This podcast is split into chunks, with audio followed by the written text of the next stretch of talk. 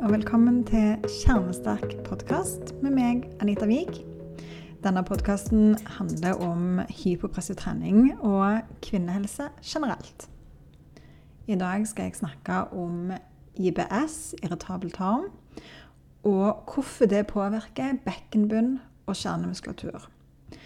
For nå som jeg har jobba med hypopressiv trening i flere år, så har jeg sett at det er påfallende mange som sliter både med fordøyelse og som er plaga med bekkenbunn eller har delte magemuskler. Jeg kan jo ikke si noe sikkert om hvorfor det er så mange som sliter med begge deler, men jeg har en teori. Og det er at de som har IBS, òg har mye luft i magen. Og når det er mye luft i magen, så blir det et økt trykk i magen forhøya buktrykk. Jeg skal snakke litt mer om det øyeblikk. Men forhøya buktrykk gir jo økt press på magemuskler og bekkenbunn. Og hvis du da i tillegg går gravid og får økt trykk, og vevet blir så tøyd som det gjør, så tenker jeg at det er logisk at, at det gjør det vanskeligere for kroppen å hele seg etterpå. For buktrykk, det er noe vi alle har, og vi skal ha det. Og hvor høyt det trykket er, det kommer an på hva vi gjør. Så når vi hopper, danser, nyser, ler, springer, så får vi et kortvarig økning av trykk i magen. Og dette økte trykket klarer kroppen normalt å håndtere på en god måte. Men når trykket er høyt over tid, så vil det være veldig belastende for muskulaturen. Si f.eks. at du har IBS og har hatt plager med magen i mange år. Du er ofte oppblåst, sitter mye på do eller går på do altfor sjeldent. Eh, og da har du tidvis et høyt buktrykk pga. all luften i magen, eh, og magen er utspilt. Sliter du med forstoppelse, må du presse mye for å gå på do, og det vil gi et midlertidig forhøya buktrykk. Det er ubehagelig, men det går greit. Kropp Kroppen har til nå klart å håndtere dette på en god måte. Både magemuskler og bekkenbunn fungerer sånn som de skal, men så blir du gravid. Trykket i buken blir nå enda høyere, for i tillegg til luft så er det en baby der inne. Og så kan jo gjerne mageplagene bli verre i svangerskapet i tillegg. Magemusklene deler seg for å lage plass til den voksende babyen.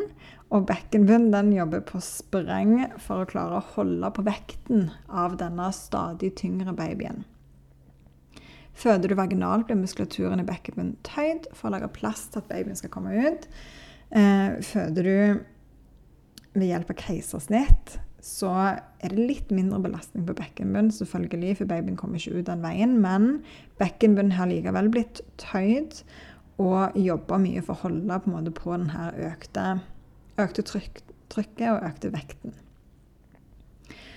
Mageplagene de fortsetter kanskje etter Eller fordøyelsesplagene fortsetter kanskje etter svangerskapet.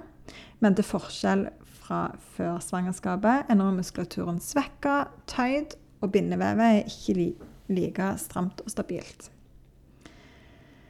Det å styrke bindevev og trene opp muskulatur det er viktig for alle etter fødsel, men spesielt kanskje for de som har IBS. For om muskulatur og bindevev som skal rehabiliteres, sånn som skal trekke seg sammen og, og bli sånn som før, ofte blir utsatt for høyt trykk, så kan det gjøre helbredingen mer utfordrende. Det å få tilbake god funksjon og sterk muskulatur og bindevev det krever ofte litt mer innsats. Jeg er, jeg har sjøl hatt IBS. Jeg hadde IBS før jeg ble gravid med nummer én. Jeg hadde ingen plager mot slutten av svangerskapet, og det gikk et år før plagene kom tilbake igjen etter svangerskap nummer én. I svangerskap nummer to så forsvant plagene ganske kjapt. Iallfall etter sånn tre-fire måneder ute i svangerskapet. Og denne gangen har de ikke kommet tilbake igjen. Jeg er ikke noe sånn magisk kur for hvordan du kan bli kvitt IBS. Um, min teori er at Altså, jeg vet tarmfloren endrer seg når du er gravid, på alle gravide. Jeg tror at i mitt tilfelle så tarmfloren endrer seg til det positive. Eh, og når jeg da i tillegg er fulgt på med eh, mye frukt, bær og grønnsaker og mat som tarmbakterien elsker, så har jeg klart å holde, holde en god bakterieflora som har hjulpet meg å bli kvitt IBS-en. Jeg er fortsatt sensitiv mage, jeg kan fortsatt bli oppblåst, men mye mindre enn før. Jeg skrev min bacheloroppgave om IBS um, fordi at jeg hadde det sjøl. Jeg syntes det var spennende, samtidig frustrerende, fordi at vi visste så lite om det. Så jeg skrev om um, melkesyrebakterier som tilskudd og IBS. Dette er jo noen år siden nå, og konklusjonen da var at vi vet ikke nok til at det finnes tilskudd som hjelper. Men jeg tror, eh, jeg tror det har kommet ny forskning på dette nå i det siste. Det som er positivt for de som har IBS og begynner med denne treningen, det er at med å, å ha fokus på å løsne opp i spenninger og jobbe med pust, så får diafragma, den pustemuskelen mellom gulvet, og bekkenbunnen, de to jobber sammen hele veien når du puster. Og når vi jobber med de på en god måte, så, så beveger de seg opp og ned parallelt i takt med pusten din. Og det gjør at tarmene òg beveger seg ganske mye når du puster, som kan gi bedre blodsirkulasjon og kan hjelpe å få bevege luft, sånn at, at det ikke på en måte blir veldig oppblåst, at luften må sette seg fast og skape mye smerte og plager. Det er heldigvis i dag mye du kan gjøre hvis du har IBS, og jeg anbefaler deg å se hva du kan gjøre i ditt liv det kan være sove mer, det kan være stressmestring, det kan være bevegelse, det kan være hypopressiv trening, det kan være kosthold som kan hjelpe deg.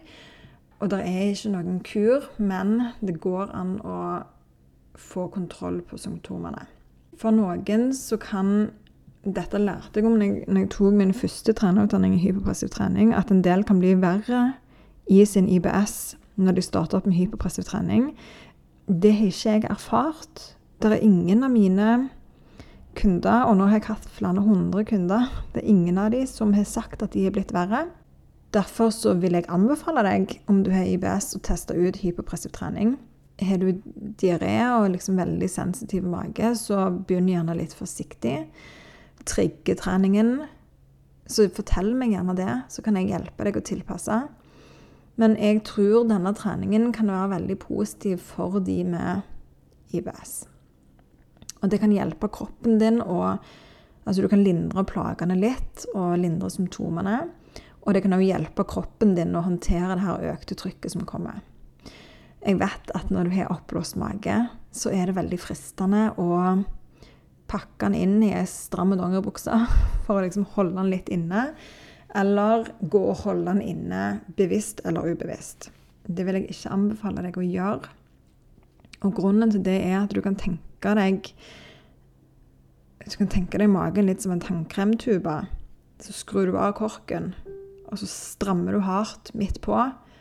Og hva er det som skjer? Jo, tannkremen kommer tydende ut. Og det er det samme med bekkenbunnen din. At hvis du har mye luft og for høyt trykk, og du gjerne har en svakhet i bekkenbunnen i tillegg Hvis du da holder magen inne, så kommer det mye høyere trykk, mye mer belastning på bekkenbunnen. Og det samme hvis du har ei stram bukse som presser inn hele veien, gir masse forhøya trykk, og forhindrer den der optimale bevegeligheten og trykkfordelingene som skal skje når du puster, og når du lever i hverdagen. Så prøv så ofte du kan å slippe ut magen. Åpne knappen i buksa. Pust godt, sånn at ribbeina beveger seg godt ut. Um, og jobb med å løsne opp i spenninga i diafragma mellomgulvet, og gjerne i magen òg. Dette har jeg videoer på YouTube som du kan sjekke ut. På YouTube søker du på Anita Wiig, så finner du meg. Der er det masse videoer du kan bruke. Og fortell meg gjerne hvordan det går. Hvis du starter opp med treningen og du har IBS um, Jeg har virkelig tro på at dette kan hjelpe mange. Med både IBS-en og selvfølgelig kjerne- og bekkenbunnsplager. Hvis du tror denne episoden passet noen du kjenner, tips gjerne om den. Del om denne podkasten. Jeg ønsker å spre budskapet om hyperpressiv trening og kvinnehelse, sånn at flest mulig får øynene opp for denne fantastiske treningen. Takk for at du lytta. Jeg håper at du får en god dag. Ha det bra.